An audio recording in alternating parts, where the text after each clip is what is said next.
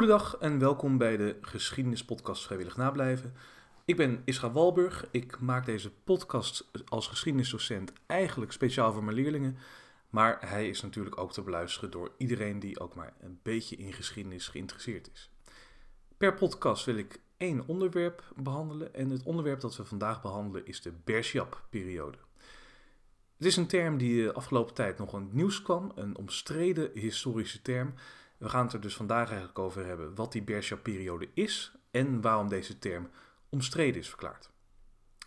De Bergjap-periode is een periode die eigenlijk in Nederlands-Indië plaatsvond, of Indonesië moet ik eigenlijk zeggen in dit geval, eh, van oktober 1945 tot november 1947. En deze periode kenmerkt zich door het geweld uh, tegen Indische Nederlanders en andere niet-inlanders. Dus dan hebben we het over Chinezen, Europeanen, Molukkers en Indonesiërs die bijvoorbeeld samenwerkten met het bestuur van Nederlands-Indië. Het is eigenlijk dus een golf van ongecontroleerd geweld uh, tegen ja, eigenlijk vooral de Nederlandse bezetter en iedereen die met hen samenwerkte. Maar dat geweld dat ontwikkelde zich dus uiteindelijk ook tot geweld tegen iedereen die niet Indonesisch was. En we zien ook dat het eigenlijk een periode is waarin de Indonesische autoriteiten geen grip meer hebben op de, ja, eigenlijk de jonge uh, Bermuda's die dit uh, geweld veroorzaken. Nou goed, daar gaan we later nog even wat dieper op in. Wat betekent Bershap nou eigenlijk? Nou, Bershap is een term die eigenlijk uit het Maleisisch vertaald kan worden naar het Nederlands in sta paraat of wees waakzaam. Het is een strijdkreet die veel door de jongere uh, Indonesische strijders werd gebruikt. En om even, meteen even misverstand uit de weg te ruimen, die jonge Indonesische strijders, daar uh, zal ik naar refereren met het woord Pemuda. Of de Pemuda's in meervoud.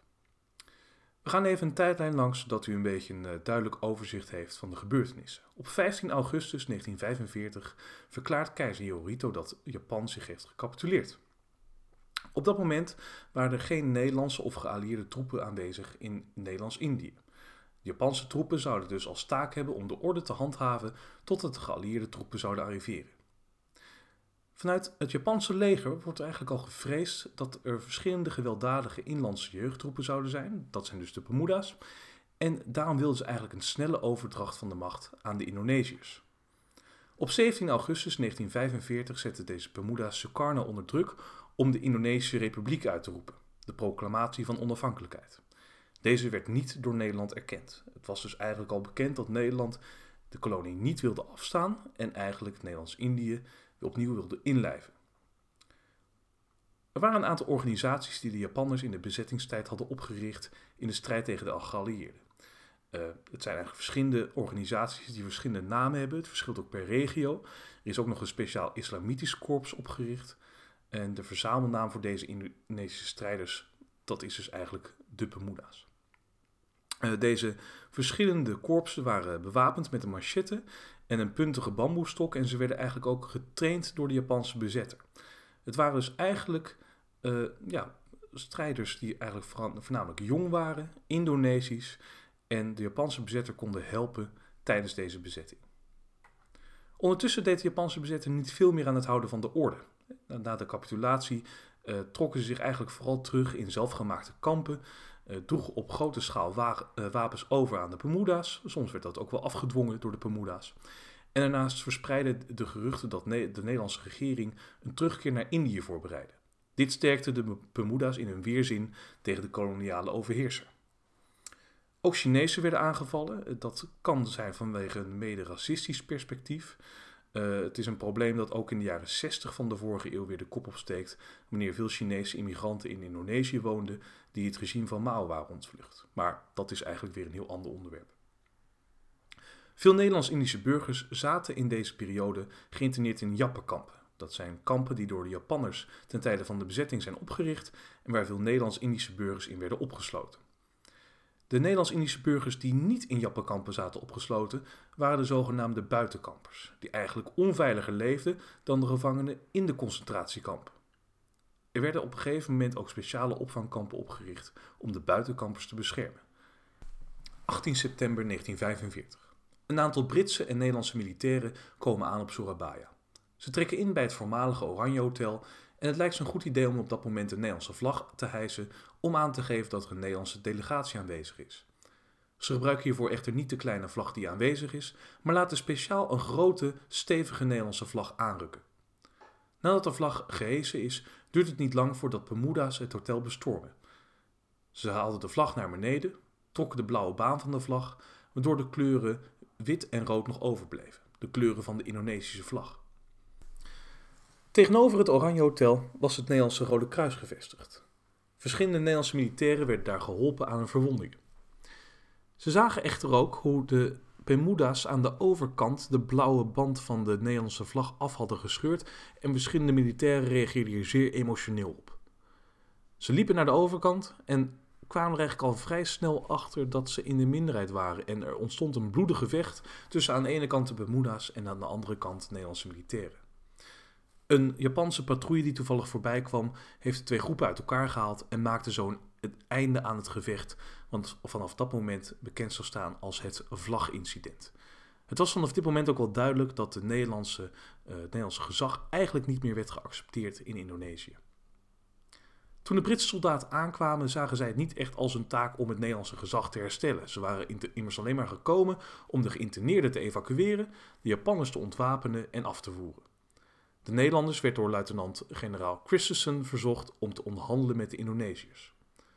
Toch moesten de Britse en Japanse troepen in steden als Surabaya, Semarang, Bandung hevige strijd leveren met de nationalistische strijdgroepen voordat men kon beginnen met de evacuatie van de interneringskampen. In Surabaya is om en nabij drie weken straat voor straat gevochten.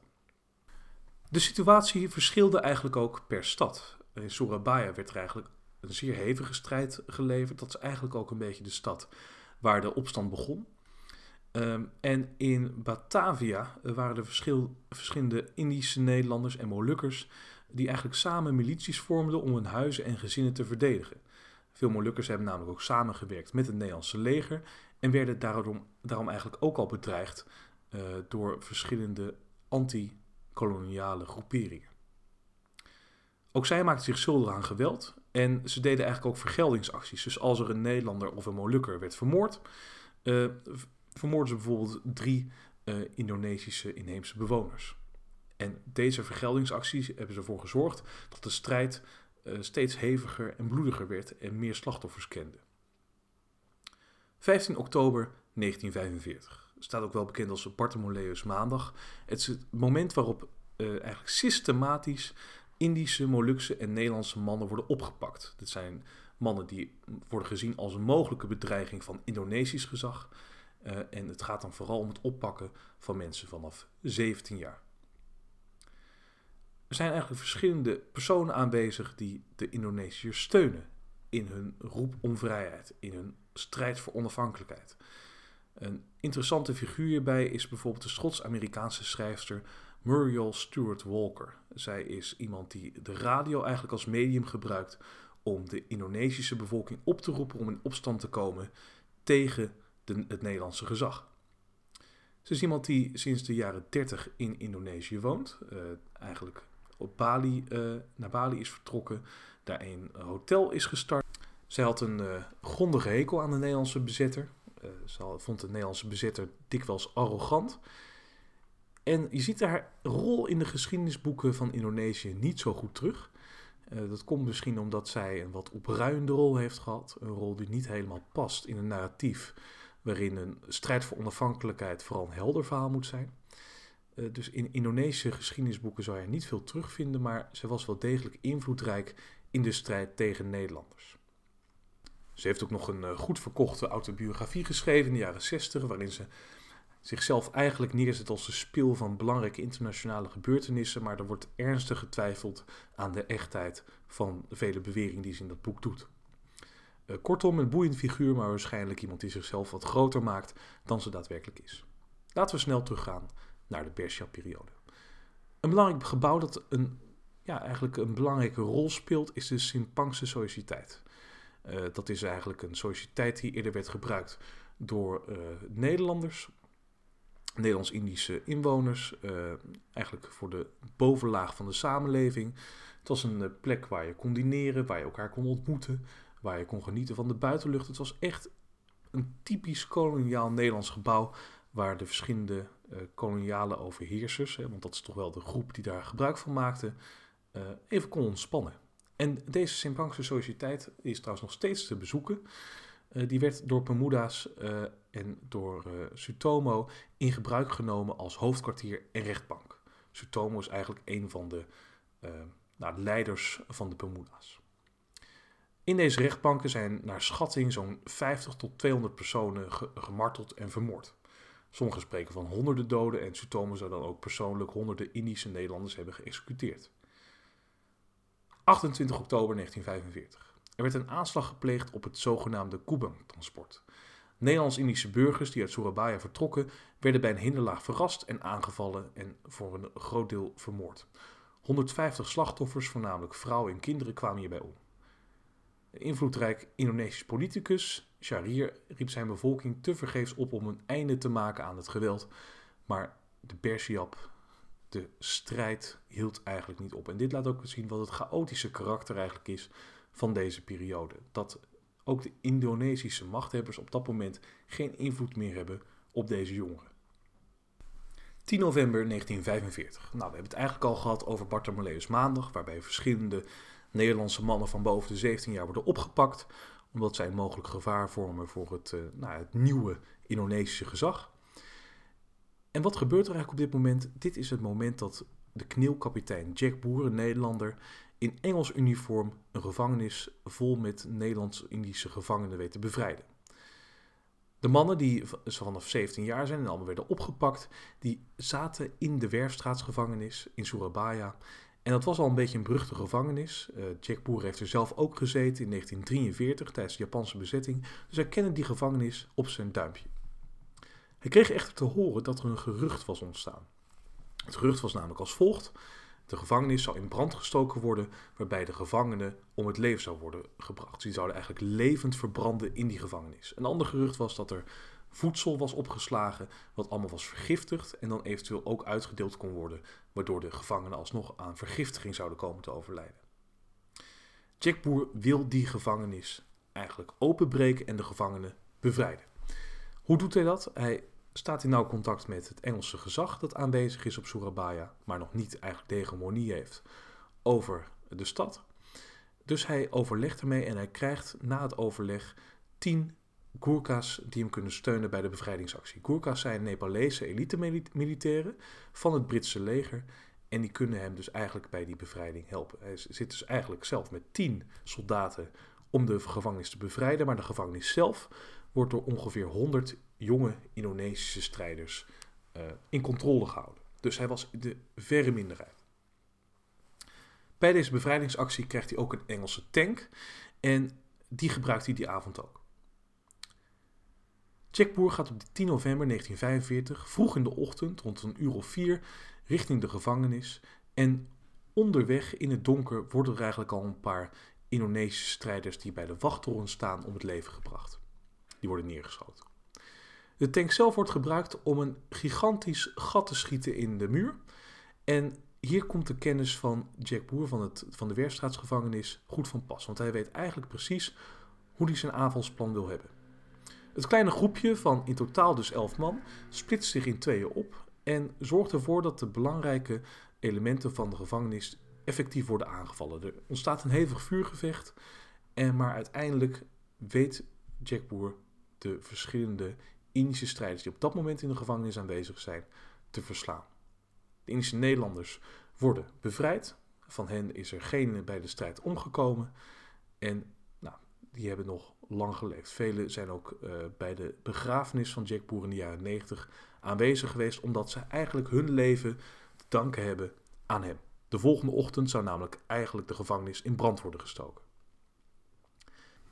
De Bersia-periode duurt eigenlijk nog tot 1947, maar vanaf begin 1946 begint het eigenlijk al wat rustiger te worden. De, het geweld ging nog steeds door, maar op een minder grote en minder gewelddadige schaal. Het Nederlands leger is in maart 1946 ook gearriveerd in diverse Indische steden en vanaf 1947 probeert Nederland eigenlijk Indonesië opnieuw in te lijven als kolonie. Uh, dit doen ze onder het mom van politionele acties, als een manier om de orde te herstellen, maar het is eigenlijk voor de internationale gemeenschap wel duidelijk dat Nederland Indonesië opnieuw wil vestigen als haar kolonie. Conclusie, ja, het officieel aantal slachtoffers is 3500. Volgens Lou de Jong moet je eerder uitgaan van 20.000 tot 35.000 vermoorde Nederlanders. Het cijfer uh, van doden bij de Indonesische bevolking ligt echter vele malen hoger, maar we weten niet precies hoe hoog dat is.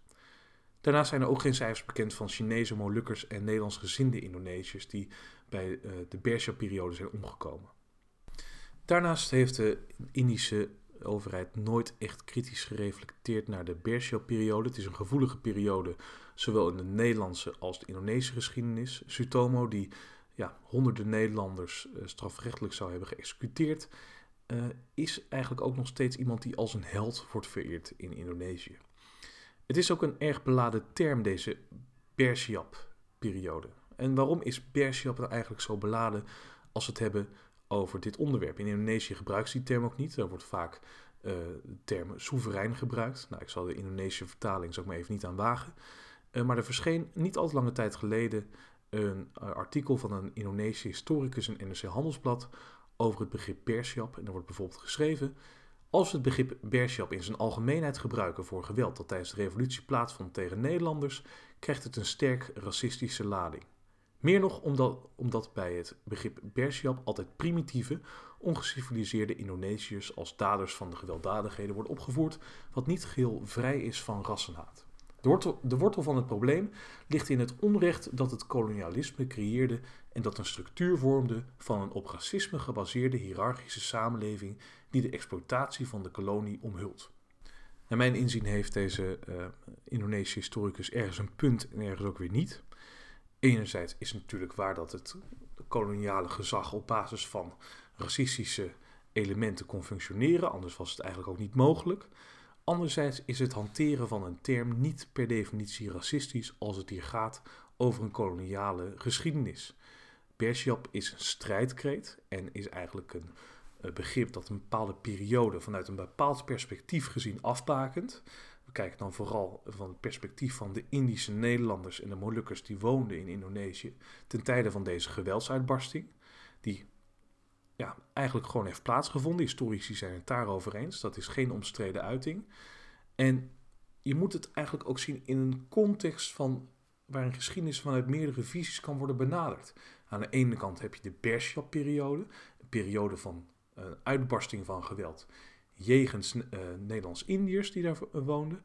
Aan de andere kant heb je natuurlijk ook de onderdrukking van de Indonesische bevolking door de koloniale gezaghebbers.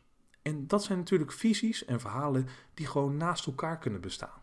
De geschiedenis is eigenlijk te genuanceerd om af te schilderen als een verhaal van winnaars-verliezers, slachtoffers en daders. Als je wordt geboren als Nederlands-Indiër met bijvoorbeeld twee Nederlandse ouders. In Indonesië ben je niet meteen een dader van het koloniale gezag. Je bent niet meteen een dader van de context waarin je geboren wordt of waarin je participeert. Dus dat is natuurlijk een beetje een problematische houding als historicus. Het is niet meteen racistisch als je geschiedenis vanuit een bepaald perspectief benadert, mits je daarnaast natuurlijk ook nog ruimte laat voor andere perspectieven. Maar goed, dat is in kort uh, even mijn visie daarop. Daarnaast zien we natuurlijk dat er de laatste tijd termen zijn die ook nogal gevoelig liggen als het gaat om geschiedenis. Neem nou het begrip Gouden Eeuw. Uh, dat is een begrip wat door diverse musea niet langer wordt gehanteerd, omdat het eigenlijk een verkeerde, uh, verkeerd beeld zou geven van een bepaalde periode. Uh, tijdens de Gouden Eeuw waren er immers mensen die dat niet als Gouden Eeuw beleefden. Laten we kijken naar de slaven. laten we kijken naar bijvoorbeeld de arme Nederlandse bevolking. Het was een samenleving die eigenlijk zeer ongelijk was. Maar dat is natuurlijk niet helemaal wat Gouden Eeuw per se wil zeggen. Het was een, in economisch en cultureel opzicht een gouden tijd voor Nederland. En dat natuurlijk de slavernij eraan heeft bijgedragen, onderdrukking, eh, kapitalisme op de meest afschuwelijke en uh, mensuitvringende manier heeft plaatsgevonden. Dat is natuurlijk een tweede, maar je zou objectief bijna kunnen zeggen dat het een gouden tijd was. Bovendien moeten we ons afvragen, waarom is onze associatie met goud nou zo positief? Goud is eigenlijk een edelmetaal dat verworven wordt onder de meest verschrikkelijke slavernijachtige omstandigheden, waarbij de mensen die het, uh, nou, eigenlijk deze stof delven, uh, op afschuwelijke manier worden uh, behandeld. Ze worden eigenlijk min of meer uitgewrongen. Het is een afgrijzelijke uh, manier van werken. Ja, wat dat betreft is Gouden Eeuw natuurlijk een prima term. Een term die dan staat voor, want goud staat dan toch een beetje voor slavernij en onderdrukking. En dan kan je de term Gouden Eeuw prima toepassen. Nou goed. Het is ook niet helemaal waar dat bijvoorbeeld de Gouden Eeuw of Nederland in die tijd helemaal is gebouwd op slavernij. Hè? bijvoorbeeld uh, bepaalde wat saaiere onderwerpen als de Oostzeehandel, waarmee heel veel graan en hout uit de Oostzee werd verscheept naar Nederland, heeft eigenlijk nog meer bijgedragen aan de Nederlandse welvaart dan uh, de slavernij. Maar je moet dat soort dingen dus ook een beetje in perspectief zien. En je moet het een beetje genuanceerd zien. Uh, en het niet zien als een verhaal van aan de ene kant hele goede mensen en aan de andere kant hele slechte mensen. Het ligt altijd genuanceerder. Ook bijvoorbeeld tijdens de Bershel-periode, die ik zojuist heb behandeld, zijn natuurlijk tal van Indonesiërs die uh, Nederlandse gezinnen hebben geholpen. En die niets van dat geweld moesten hebben. Het gaat hier eigenlijk om een gewelddadige woekering, waar de autoriteiten, zowel de Britten als de Nederlanders als de Indonesische, geen vat op hadden. Dus in dat perspectief moet je dat eigenlijk ook een beetje zien. Ik hoop dat jullie hebben genoten van deze podcast. Laat mij vooral weten als je opmerkingen hebt of kritische noten, plaats ze vooral. En dan hoop ik dat jullie de volgende podcast ook weer zullen luisteren. Fijne dag.